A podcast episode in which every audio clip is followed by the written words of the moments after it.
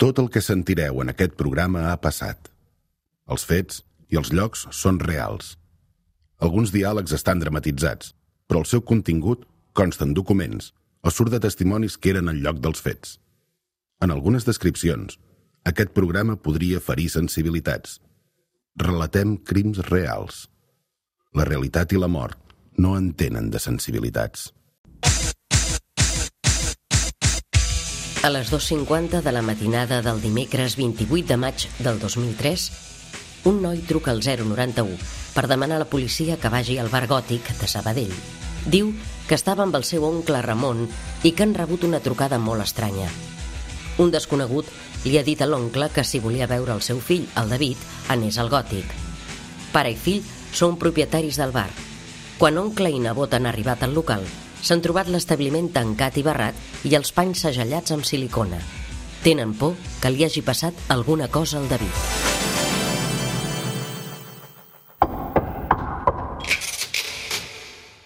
Hola a tothom, sóc Carles Porta. Gràcies per escoltar-nos. La zona hermètica de Sabadell és un lloc que al seu dia aplegava molts joves que sortien de festa. També hi van passar moltes coses fosques, com la desaparició de la Carolina del Valle, o l'assassinat que us explicarem avui. Al maig del 2003 van matar d'un tret un noi que suposadament era el propietari del bar gòtic. Diem suposadament perquè en aquesta història tot tendeix a embolicar-se, començant per la relació entre un pare i un fill. Intentarem posar llum a la foscor. Comencem. If you are the dealer, I'm out of the game. If you are the healer, means I'm broken and lame. If thine is the glory, then mine must be the shame. You want it darker. We kill the flame. Crims. Per què matem? Vilified, crucified in the human frame. A million candles burning for the help that never came.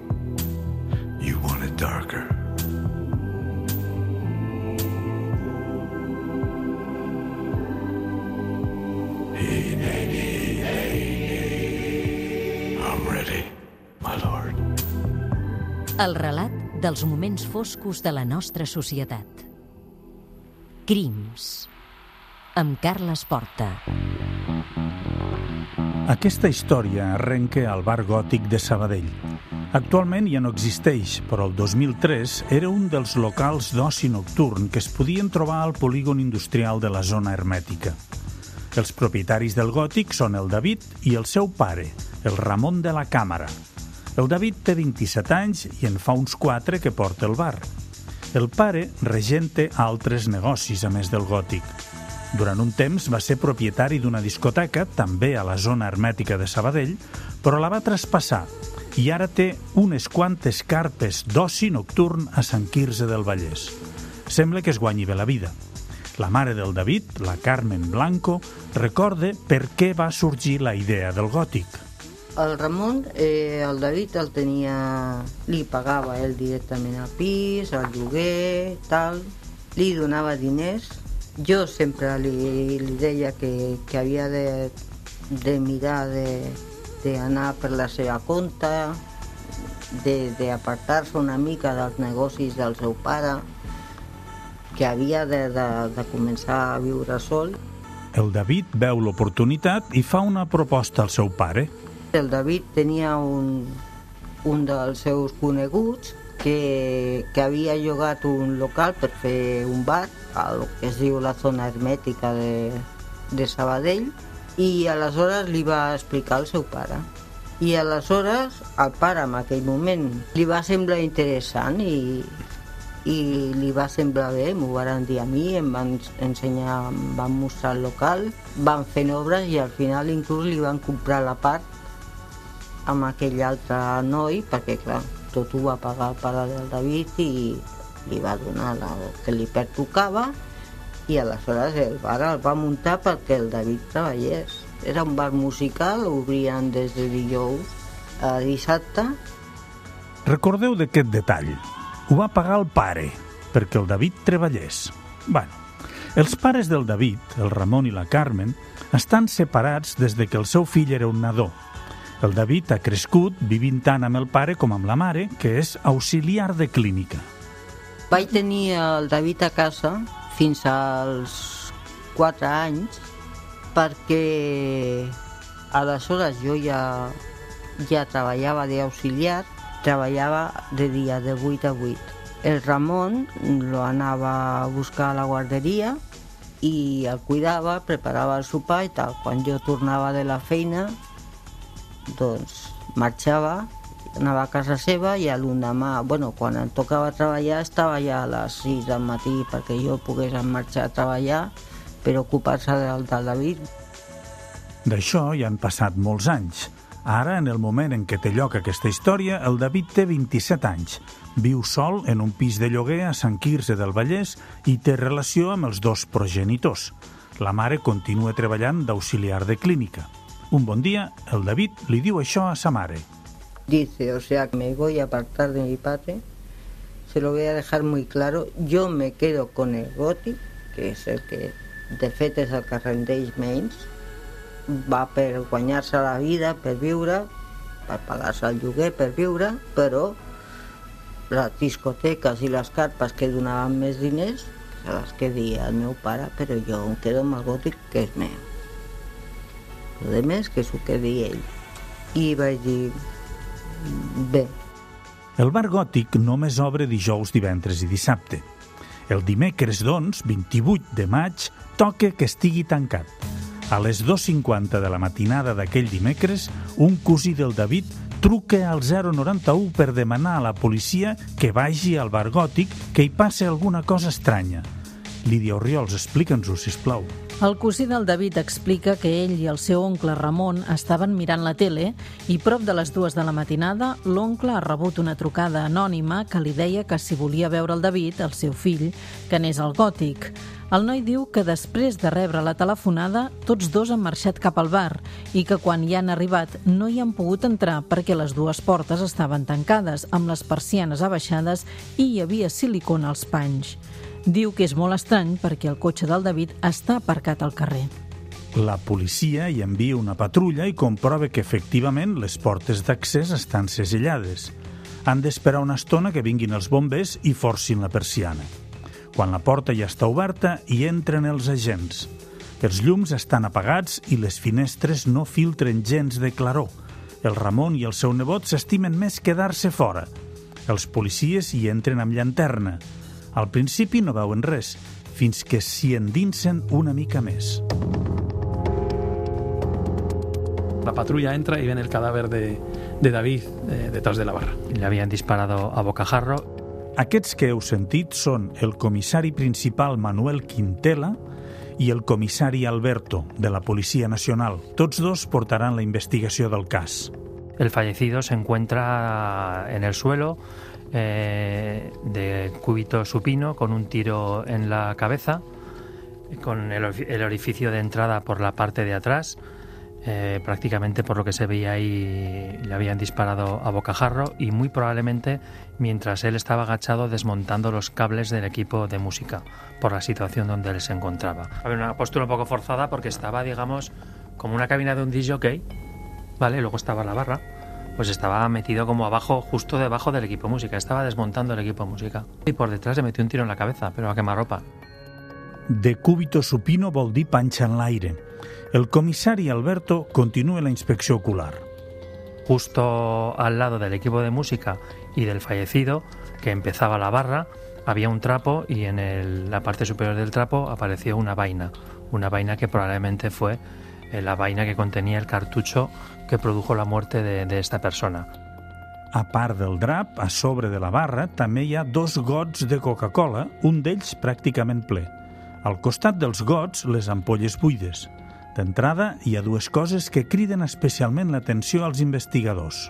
No había ningún signo de pelea en, en el, en el bar, no había ningún se- ninguna señal de robo. I la segona cosa, La luz se encontraba apagada eh, y luego eh, encontramos donde estaban eh, la- las, las llaves generales de la luz en el local y la verdad es que había que conocer el local para, para encontrar dónde estaban las llaves generales, no estaban a simple vista. Observant l'escenari del crim, els investigadors arriben a una primera conclusió. La persona que había hecho eso, evidentemente, era una persona de mucha confianza y una persona que, que conocía el local. Más si tenemos en cuenta, además, como aparece con la luz apagada, que bueno, el fallecido, por, por cómo aparece, estaba desmontando unos cables y evidentemente necesitaba luz.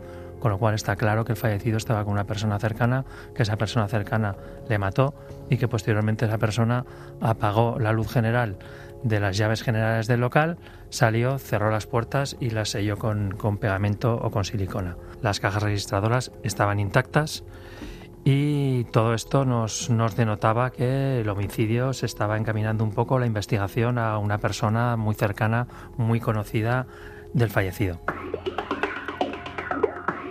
Mentre els agents d'homicidis inspeccionen el local, el pare i el cosí del David, que ja estan assabentats de la mala notícia, continuen esperant-se a l'exterior. No fan cap gest per entrar a l'establiment i deixen que els investigadors facin la seva feina. Al cap d'una estona, els policies surten del bar per parlar amb ells. Volen aclarir com ha anat això de la trucada anònima. Ramón, cuando estamos en los primeros momentos hablando con él en el lugar de los hechos, nos dice que él ha recibido la llamada y su sobrino, David, se encontraba con él en casa en ese momento viendo la televisión. Estaban juntos. Ramón dice que recibe la llamada, que le dicen, si quieres ver a David, vete al Gothic, i cuelgan. Ja heu sentit que el cosí es diu igual que la víctima, David. Quan ha arribat al gòtic la patrulla que ha trobat el cadàver, el Ramon ha ensenyat a un dels agents el registre de la trucada que ha rebut al mòbil. La gent s'ha fixat en un detall que l'ha estranyat i ho ha fet saber als investigadors d'homicidis. Esa llamada eh, parece ser que, que la fecha de esa llamada era el 1 de enero. Recordemos que estábamos hablando del 28 de mayo y luego parece ser que era el 1 de enero, eh, no sé si era 12 o, o, a las 12 o las 13 horas aproximadamente del 1 de enero. De l'1 de gener al 28 de maig van 5 mesos. Al 2003, els telèfons mòbils no eren com els smartphones d'ara, que pràcticament saben tot el que fem i on anem. Aleshores, la informació que se'n podia treure era més limitada, però tot i això, el comissari Alberto demana al Ramon que li deixi veure la trucada. El pare de la víctima li diu que malauradament s'ha quedat sense bateria i que ara no li pot ensenyar. Tots dos queden que quan carregui el mòbil s'acostarà a la comissaria per mostrar-li. Els agents es diuen que, tenint en compte les circumstàncies, el pare del David està aparentment tranquil. No tothom reacciona igual davant la mort i a ell, de moment, se'l veu molt sencer. La policia li pregunta quan va veure el seu fill per última vegada. Lo que nos dijo es que él había estado con el fallecido en el Gothic hasta las 13 horas aproximadamente y le dejó allí y no sabía si eh, su hijo eh, había quedado con alguien o no. El Ramon explica a la policia que el seu fill tenia molts enemics i dona noms i cognoms. Nos habló de un, un tal Jaume con el que había tenido un. Bueno, había, ven, había vendido, parece ser, parece ser un Audi A3, un vehículo con el que había tenido problemas. También nos hablaba de, de un tal Paco que tenía una tienda de deportes, que también eh, era enemigo de su hijo. También nos hablaba que tenía problemas con un tal Alex por venta de drogas. También nos dijo que tenía problemas con una famosa que salía mucho en televisión en aquella época porque la había conocido y, y bueno, parece ser que según él había unos vídeos comprometedores y bueno, esa famosa junto con sus guardaespaldas pues también se la tenían jurada a su hijo. También nos dijo que tenía enemigos eh, por deudas, aparte de por drogas. A la policia se li gira feina amb aquesta llista de noms i ja us avancem que no us direm el nom de la famosa. No podem descartar ningú. Es fan càrrec que no és el moment d'interrogar més a fons el pare de la víctima i li demanen que passi a declarar per comissaria tan aviat com pugui. És un testimoni important per a la investigació i necessiten saber tots els detalls que recordi per petits que siguin. Els agents també li fan saber que han d'escorcollar el pis del David per veure quina informació poden trobar. Dijo hoy que se encontraba en shock, palabra textual, que necesitaba descansar y que después ya iría más tarde, pero que le dejáramos descansar. Tenían una actitud bastante serena, bastante fría, los dos.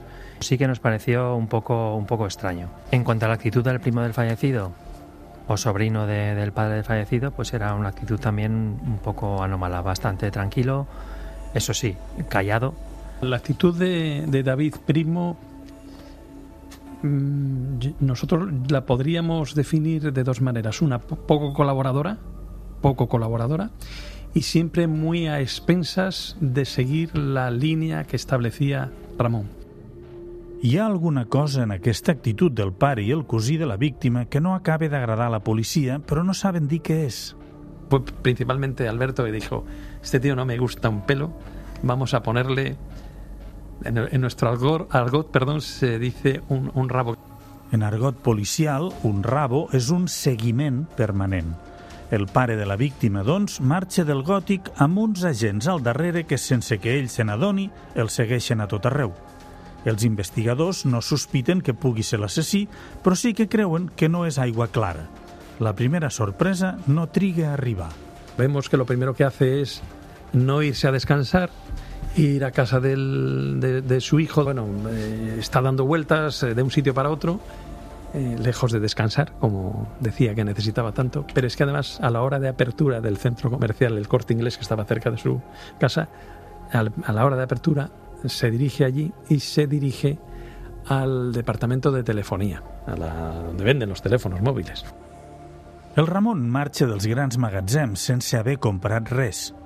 Recordeu que fa unes hores de matinada ha dit a la policia que el seu mòbil s'havia quedat sense bateria. Del Corte Inglés se'n va a comissaria. Sap que els comissaris l'esperen per prendre-li una primera declaració oficial dels fets. En esa primera declaración, eh, evidentemente, Ramón volvió a insistir eh, o a confirmar ya por escrito eh, la vida desordenada que según él mantenía a su hijo, que volvió a decirnos que tenía un montón de enemigos, volvió a decir que era drogadicto y volvió a comentar que, que vendía droga. De matinada, quan la policia ha trobat el cadàver, el Ramon ha dit als investigadors que havia deixat el David al gòtic a la una del migdia i que no sabia si el seu fill havia quedat amb algú. Ara ho matise. Nos dijo que sí, que su hijo había quedado con alguien a las 14.15 o a las 14.30.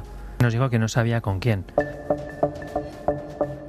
El Ramon també diu a la policia que ell no té claus del gòtic i que el bar estava en tràmits de traspassar-se, però que no sap a qui.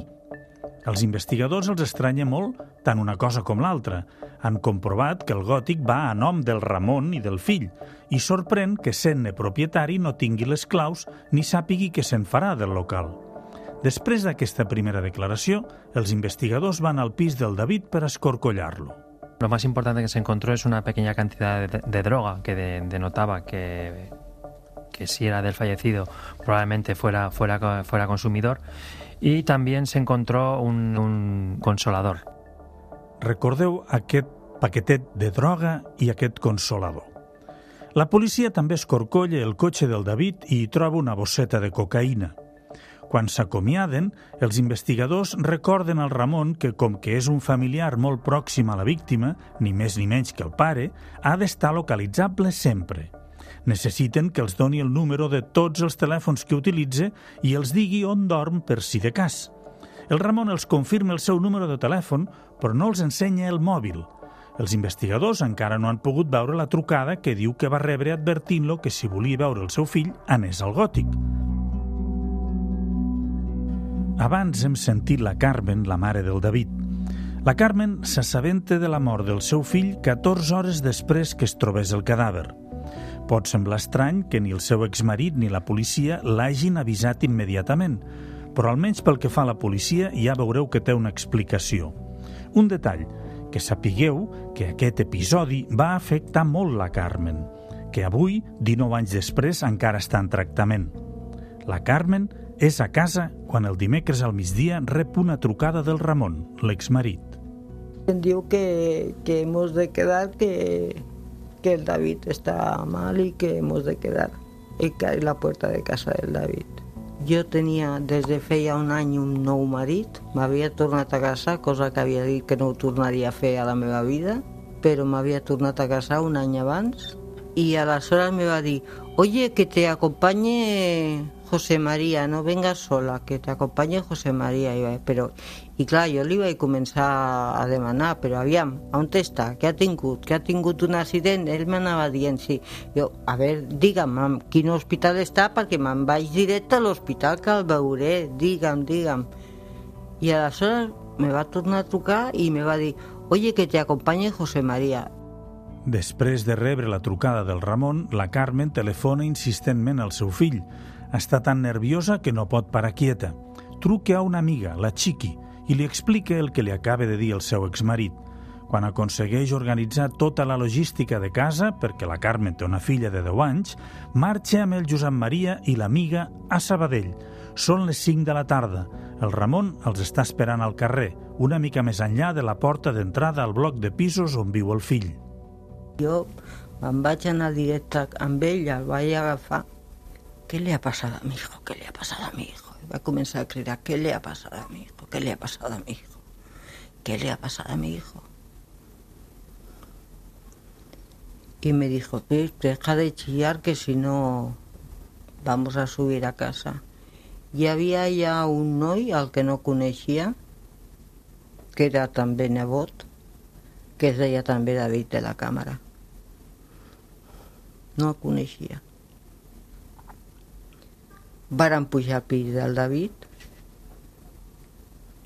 i una de les coses que recordo és que mentre parlaven aquest nou estava menjant un plat de, algo que havia allà d'arròs o el que fos i tot me semblava, vull dir, bien. ¿Pero qué le ha pasado al David? ¿Pero qué le ha pasado? Dime dónde está, que quiero verlo. Y me dice, está en la piedra. La Carmen no entén res. I jo no sabia que era una pedra. He treballat a un hospital tant d'anys sense saber que és una pedra. Pues veu que li diuen pedra quan una persona li han de fer una autopsia. Pero que ha tenido un accidente, ¿qué le ha pasado? Pero dime qué le ha pasado, que es que es que está muerto, dime qué le ha pasado. Ha tenido un accidente y está muerto, pero eso no me lo quieres decir. Y él lo hacía así, con los, con los ojos, con la mirada. Pero estaba sereno, no lloraba ni nada. Y el otro se estaba comiendo un plato de arroz. Y mi hijo estaba muerto. El Ramon, el pare, amb la mirada, li ha confirmat que el David, el seu fill, és mort. La Carmen s'ensorre. Pero ¿cómo ha muerto? ¿Qué ha pasado? ¿Ha tenido un accidente? ¿Qué ha pasado? ¿Que le ha pegado un tiro? ¿Qué ha pasado? Y dices, sí. I aleshores jo me vaig quedar allà cridant, cridant, cridant.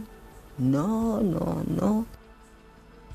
Amb el Ramon, l'exmarit, queden que l'endemà a la tarda es veuran els serveis funeraris quan hi portin el cadàver del seu fill. Ara no el pot veure perquè els forenses li estan fent l'autòpsia. Al David li han disparat un tret i la Carmen només pensa en el qui i el per què. El Ramon li ha dit que estava ficat en temes de drogues, però ella no s'ho creu. La meva amiga anava dient, pero ¿cómo es posible, Carmen? Pero que tu hijo esté metido en esos temas, pero, pero ¿cómo es posible? Y yo la vaig mirar y a todo lo que nos ha dicho Ramón es mentira, todo lo que nos ha dicho es mentira. No sabemos lo que ha pasado, pero todo lo que nos ha dicho solo sé que mi hijo está muerto y que le han pegado un tiro. Pero todo lo que nos ha dicho el Ramón es mentira. Demà al matí anirem a la comissaria, sense parlar amb el ni amb ningú. La Carmen marxa cap a casa amb el seu marit i l'amiga que l'acompanya. Abans d'acomiadar-se del Ramon, ell li ha demanat que li deixi el seu mòbil. I el Ramon me va demanar el telèfon, el mòbil, perquè ell deia que tenia el seu mòbil espatllat. Me va dir que tenia el seu mòbil espatllat. Jo ni vaig pensar, li vaig deixar el meu.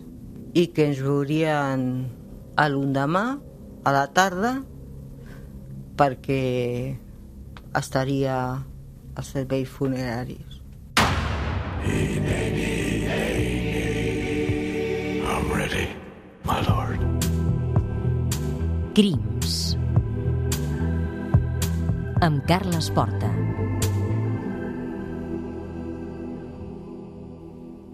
L'endemà al matí, dijous 29 de maig del 2003, la Carmen entra per la porta de la comissaria de Sabadell. Ha demanat a la seva germana que l'acompanyi.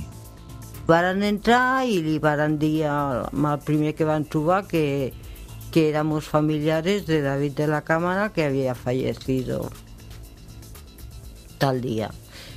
Y, vale, vale, tal, y eh, suban al segundo piso. Tal. Subimos a, a pujar al segon pis. Varen pujar al segon pis i aleshores va sortir un senyor, suposo que el van trucar des de baix, y dice, ¿quiénes dicen que son?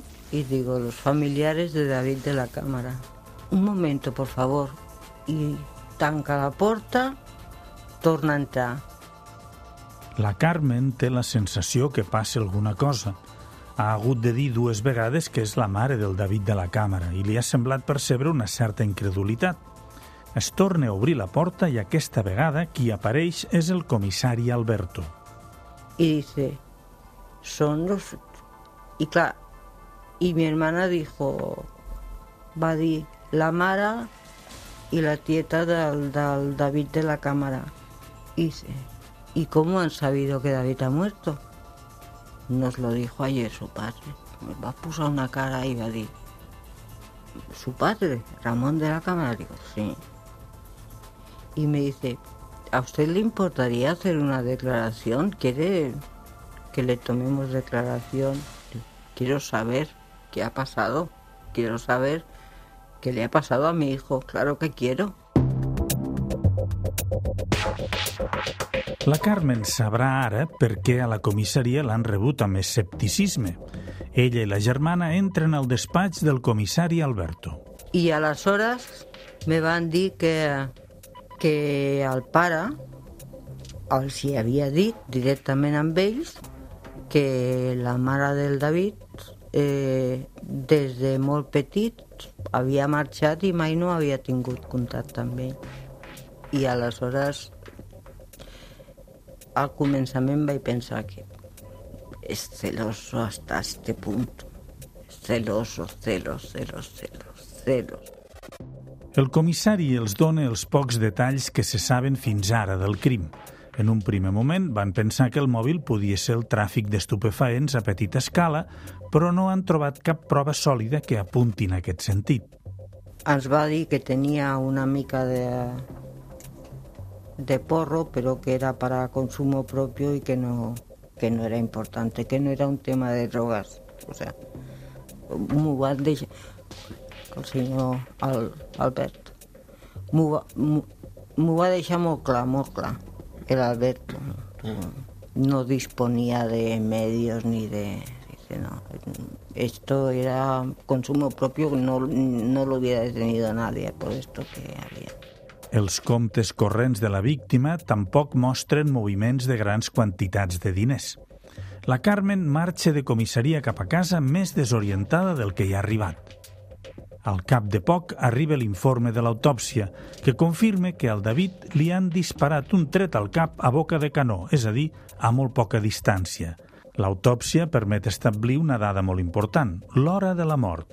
Eran des- desde las 14.15 hasta las 14.45 aproximadamente, eh, del día anterior a la descubrir el cadáver, el día 27 de mayo.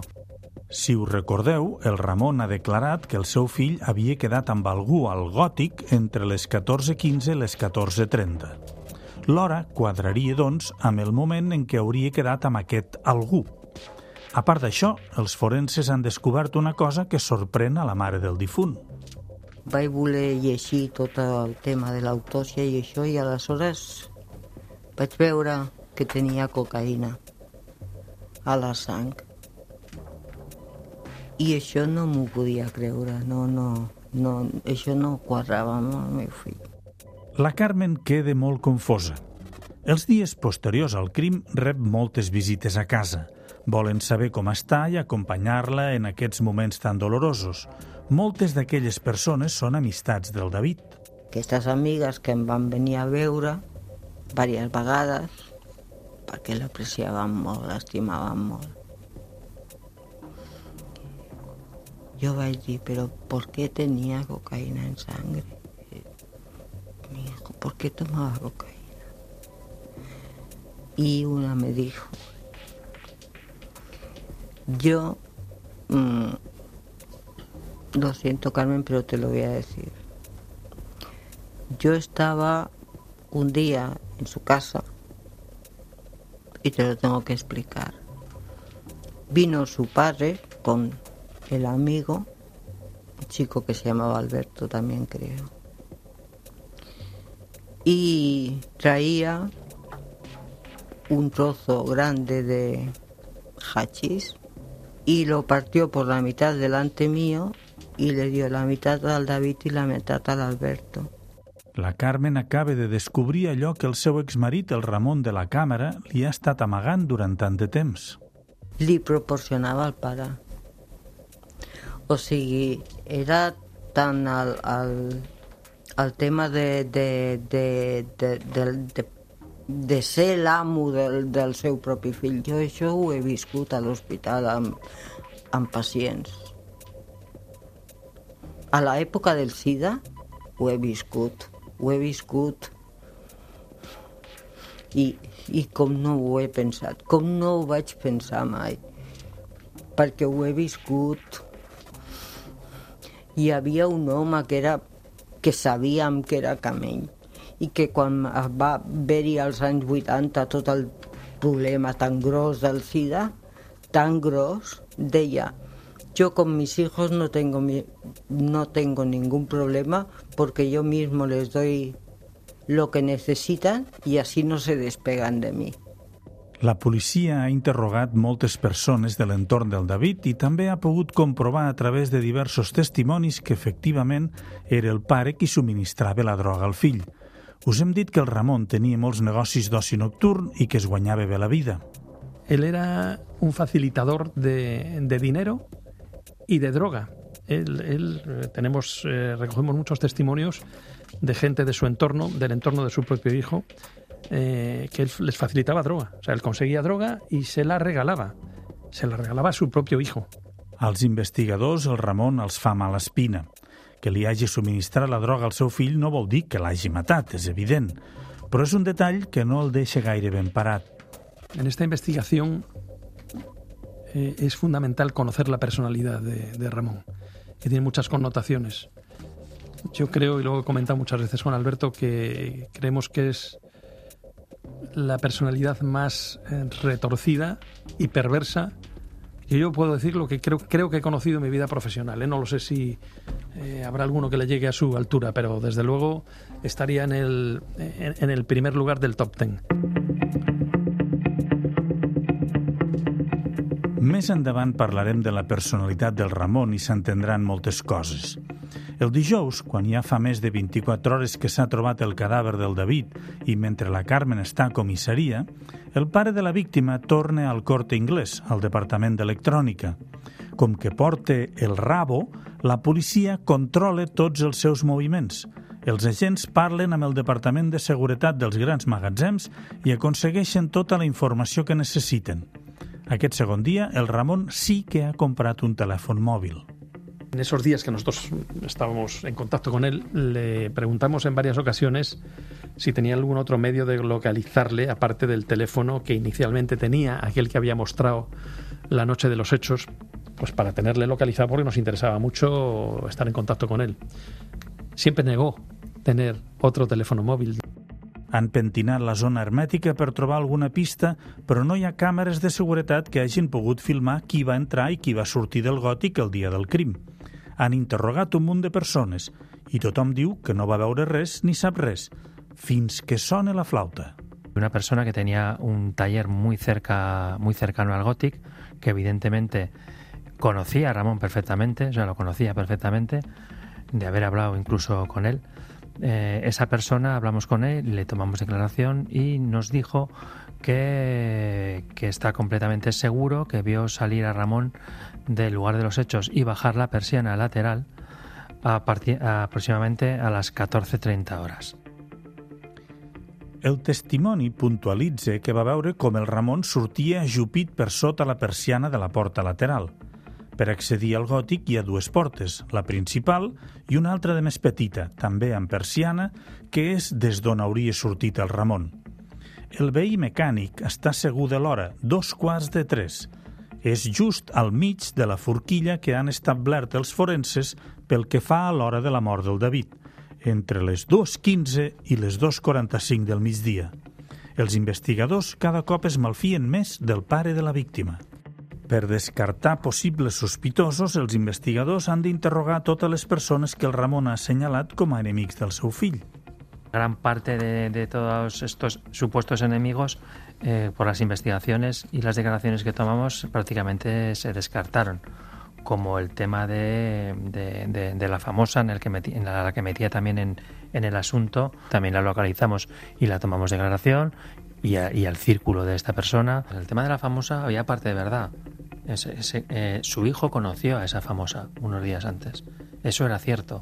Claro, lo que no era cierto era lo que luego, lo que luego decía que parece ser que pasó y los vídeos comprometedores que al parecer podían tener y tal. A partir d'aquest moment, la investigació entra en una fase d'embolica que fa fort. El Ramon continua aportant noms de persones amb qui, segons ell, tenia comptes pendents el seu fill i l'entorn del David està cada cop més sorprès de les declaracions que va fent el pare. Todos los amigos que tomamos declaración, que fueron muchísimos, todos decían, no, no, si, que va a traficar si este chico no se mete con nadie, era poco problemático, buen amigo de sus amigos, una persona bastante normal. Alguns amics de la víctima van espontàniament a comissaria i expliquen que l'home no està dient tota la veritat. D'altres forcen al Ramon a donar certes informacions que creuen que la policia hauria de tenir. La segunda declaración fue significativa porque se vio obligado a venir a la comisaría porque un amigo suyo y también del fallecido, un tal Francisco, eh, parece ser que tenía conocimiento que Ramón tenía una pistola. Entonces, eh, en un momento dado, como esta persona luego nos declaró, el tal Francisco, le dijo, a ver, Ramón, eh, yo voy a ir a declarar esto, no sé qué vayas tú, esto hay que decírselo a la policía. Entonces Ramón se vio obligado a venir a la comisaría. L'episodi de la pistola portarà cua. Segons el Francisco, el Ramon té una pistola, però el Ramon i ara afegeix una informació que no va donar a les anteriors declaracions. Lo primero que dijo Ramón cuando llegó allí, dijo, ahora voy a contar la verdad. En principio habló de, las amenazas que tenía sobre todo su hijo por una persona de, de, raza gitana y de en aquella época del ambiente delincuencial de Barberá del Vallés, San Quis el Vallés, Sabadell, toda esa zona, de, de, esa persona y, una, y un tal Juan Carlos, conocido también de esa primera persona. La persona d'ètnia gitana que assenyala ara el Ramon és l'Enrique.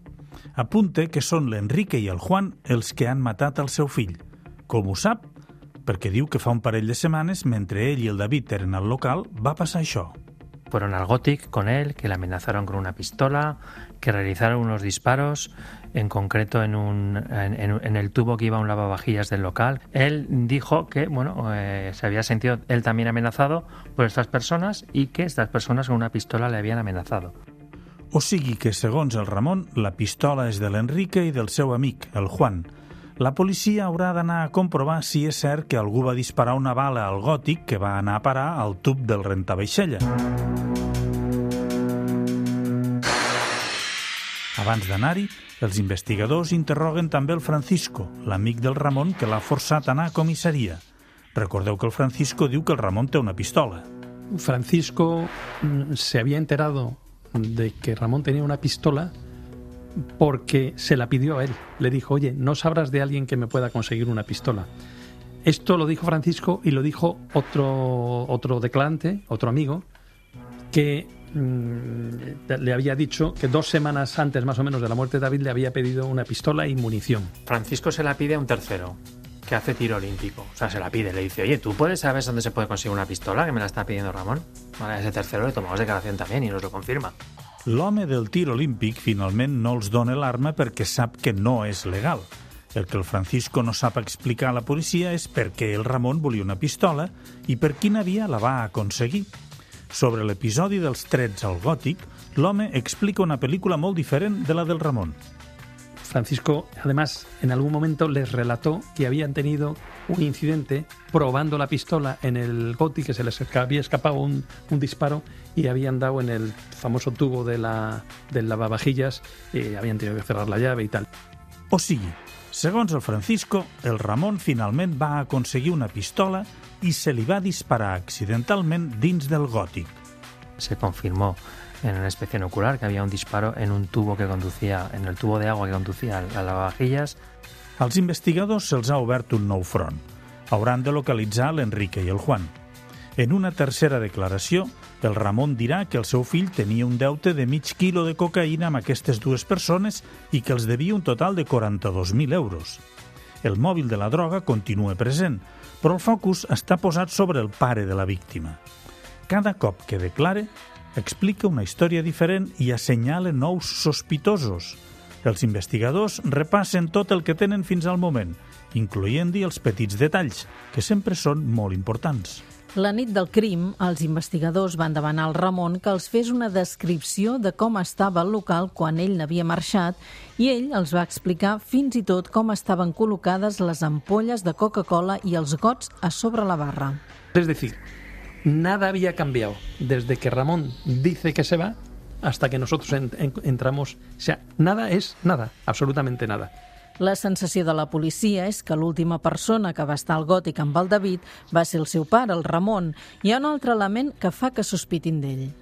Conocía perfectamente el local, sabía perfectamente dónde estaba la luz general. Si us recordeu, quan la primera patrulla policial va entrar al bar, estava completament a les fosques i els agents havien d'anar amb llanterna. El quadre de llums no està a mà, cal conèixer el local per saber trobar-lo. El Ramon és propietari del bar i, per tant, coneix tots els racons de l'establiment. En aquest punt de la investigació, la policia ja el situa com a principal sospitós, però no hi ha cap prova concreta que l'incrimini. A més, cal localitzar l'Enrique i el Juan, que, segons la versió del Ramon, també han estat dins l'establiment per intimidar el seu fill amb una pistola per un deute de drogues. L'arma homicida no ha aparegut en lloc. La investigació continua. Els comissaris demanen poder accedir al registre de trucades del telèfon mòbil de la víctima. Per cert, L'aparell, igual que la pistola, no ha aparegut en lloc i el més normal seria que el David el portés a la butxaca o l'hagués deixat a mà en algun lloc del bar.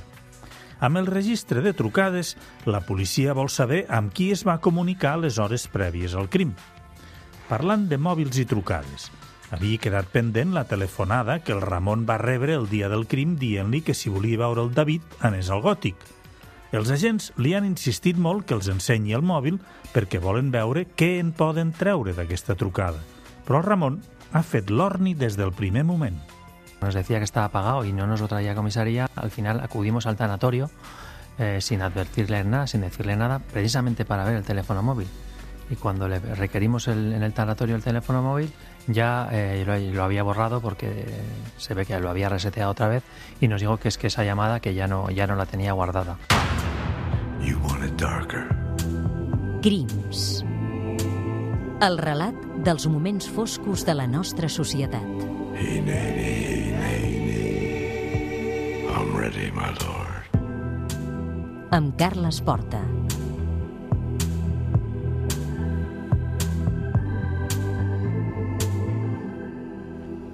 Els investigadors se centren ara a localitzar l'Enrique i el seu amic Juan. En el cas d'aquestes dues persones, la història que ha explicat el Ramon té una part de veritat, per insòlit que sembli. És el mateix que ha passat amb la resta de noms que ha assenyalat fins ara. En totes les històries que ha explicat hi ha una part de veritat, fins i tot en aquella tan inversemblant de la famosa que resulta que sí que es coneixien amb el David. L'Enrique i el Juan també existeixen, però quan la policia els localitza donen una versió dels fets que no té res a veure amb la del Ramon. Ellos en, la, en las declaraciones que hacen estas dos personas lo que dicen es que Ramón es el que tenía el arma, que se la enseña. Bueno, hay, digamos, una mutua acusación eh, eh, de, de- de- de uno hacia los otros y viceversa. Todos hablan del arma. Ramón, que la traen unos, y los otros que la tiene Ramón. Ambas partes que se acusan mutuamente, los dos reconocen que el arma estaba en el Goti, dos o tres semanas antes de la muerte de David. Unos dicen que la tenía él y, y- y- y él dice que, las, que la tenían los otros. Pero existe, y existe la prueba del arma, la prueba eh, que prueban el arma del funcionamiento y escapa el- y el disparo eh, se produce. Es decir, en eso estamos todos de acuerdo. Lo que, lo que se hacen unos y otros es tirarse la pelota, eh, va a decir, no, la tenías tú, no, la tenías tú. En l'únic que coincideixen és que dues o tres setmanes abans que morís el David hi va haver una pistola a dins del gòtic. Si l'arma era del Ramon o dels altres dos, és la paraula dels uns contra la de l'altre. Però hi ha un detall que fa que la balança de la credibilitat es decanti més cap a una banda que cap a l'altra.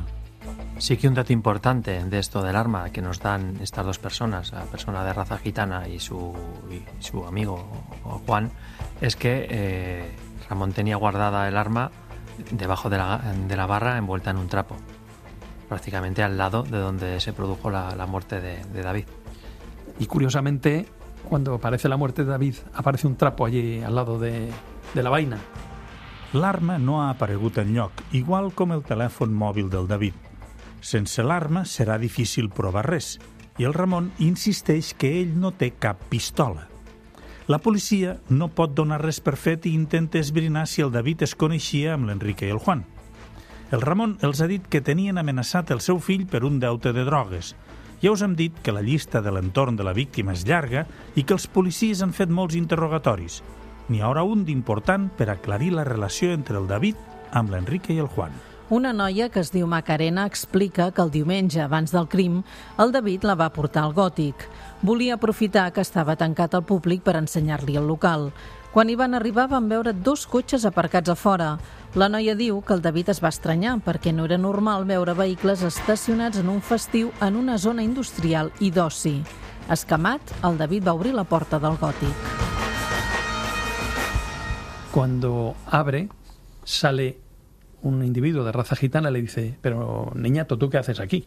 No, dice, ¿qué, qué haces aquí tú? Que este local es mío. Venga, vete, que aquí tenemos una fiesta y tal. Qui hi havia dins del bar gòtic era l'Enrique i estava tan estranyat de veure allà el David com el David de veure-la ell. Segons la Macarena, van començar a discutir tots dos. El David va trucar al seu pare per si en sabia alguna cosa. La porta no estava forçada i això volia dir que l'home hi havia entrat sense problema. A més, l'Enrique assegurava que el local era seu. Llama a su padre y le dice, oye, ¿qué pasa que me he encontrado aquí con un agente en, en el Gothic? Bueno, pues tienen una, tienen una bronca, según describe eh, la testigo. D'aquesta trobada fortuïta entre el David i els dos homes, la policia en treu una primera conclusió. David no conocía a, a este, a esta persona que, que, que sale a recibirle, porque los dos se extrañan mutuamente de encontrarse no, y no era cuestión de, de teatro. En la seva declaració, l'Enrique i el Juan han negat que coneguessin la víctima i que tinguessin cap deute de diners pendent. L'anàlisi del registre de trucades del telèfon del David ho confirma. En los tráficos telefónicos que, que solicitamos y que analizamos no había absolutamente ninguna llamada entre el teléfono del fallecido y estas dos personas, o sea, no había ninguna relación. Els investigadors donen voltes a la situació i pensen que encara que fins llavors no es coneguessin, no vol dir que dos dies després no el poguessin matar. De fet, al David no li havia fet gens de gràcia trobar-se l'Enrique al local i havien discutit. El que no s'entén és per què l'home era dins del bar i com hi havia entrat sense forçar la porta. Potser no era la primera vegada que hi entrava i potser es coneixia el local a ulls clucs i sabia on era el quadre elèctric per encendre els llums. La policia té clar que qui ha matat el David era una persona pròxima a la víctima o que coneixia perfectament l'espai. Els comissaris no descarten cap hipòtesi, però continuen molt atents a tot el que fa i diu el Ramon, el pare de la víctima. És el principal sospitós. Abans hem sentit com el comissari Quintela deia que és fonamental conèixer la personalitat del Ramon per entendre aquest cas. Pues la relación entre David y su padre es, es, es, muy curioso porque el padre tan pronto te decía que, que le adoraba como que lo desprestigiaba. Por lo tanto, era una relación cuando menos, muy extraña e, e incomprensible. No es muy comprensible que un padre le dé droga a su hijo. Pero bueno, parece ser que eh, Ramón esto con su entorno lo, hacía. ¿eh? Eh, para ganarse pues una simpatía, un favor, ese seguimiento que él necesitaba. Él, él tenía siempre un grupo de satélites a su alrededor a los que él alimentava de alguna manera. Els investigadors han dit que el Ramon, el pare de la víctima, té la personalitat més perversa que han conegut a la seva vida professional. I el cas, en lloc d'avançar, s'enrede. Necessitarem un altre capítol per posar una mica de llum a la foscor. Gràcies per escoltar-nos. Tornem tan aviat com puguem.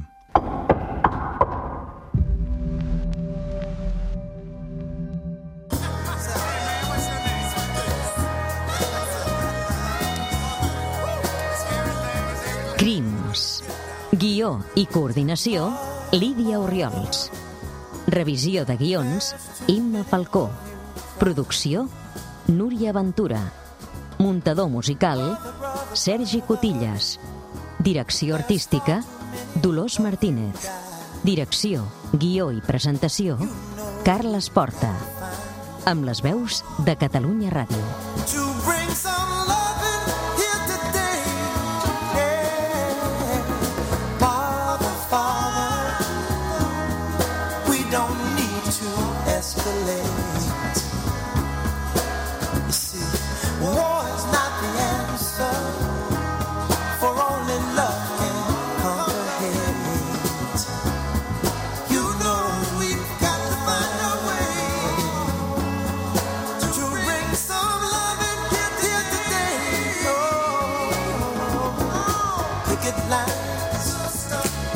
inside.